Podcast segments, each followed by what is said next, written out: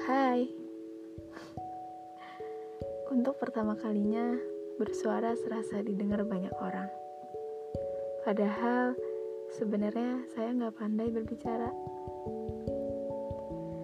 Saya bikin podcast ini karena ada banyak hal yang saya mau utarain tapi selalu nggak pernah bisa. Saya mau jadiin podcast ini hmm, sebagai rumah ketiga saya setelah Allah dan Mama didengar atau nggak didengar kalian, disukai atau nggak disukai kalian, ya udahlah ya. Kenapa namanya mood? Ya, mungkin dari beberapa episode yang nanti saya buat, saya suarakan sesuai dengan gimana mood saya. Saya punya sahabat, sahabat terbaik saya dari SMP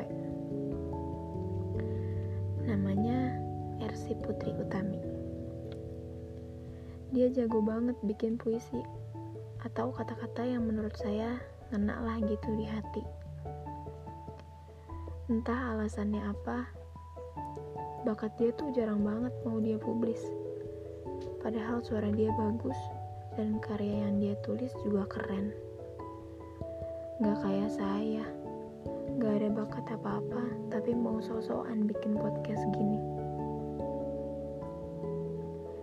Saya mau lepas dari rasa insecure saya. Saya mau jadi orang yang bisa pede gitu.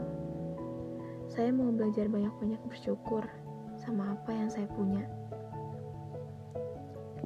Nah, mungkin dari podcast ini bisa sedikit lebih ngebantu saya untuk melepas rasa yang udah gak sehat itu.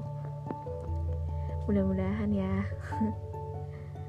Oh iya mau dengar luapan hati yang ditulis teman saya itu nggak? Nih saya bacain.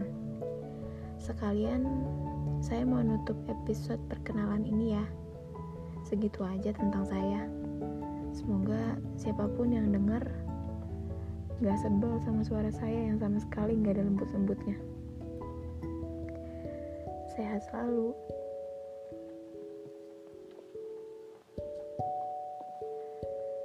Haruskah kutanya pada senja yang memiliki nuansa dan tentu punya cerita?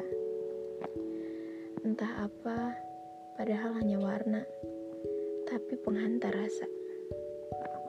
Lalu siapa? Pada pengisi malam yang memiliki bulan, remang, redup, sebam, dan bintang.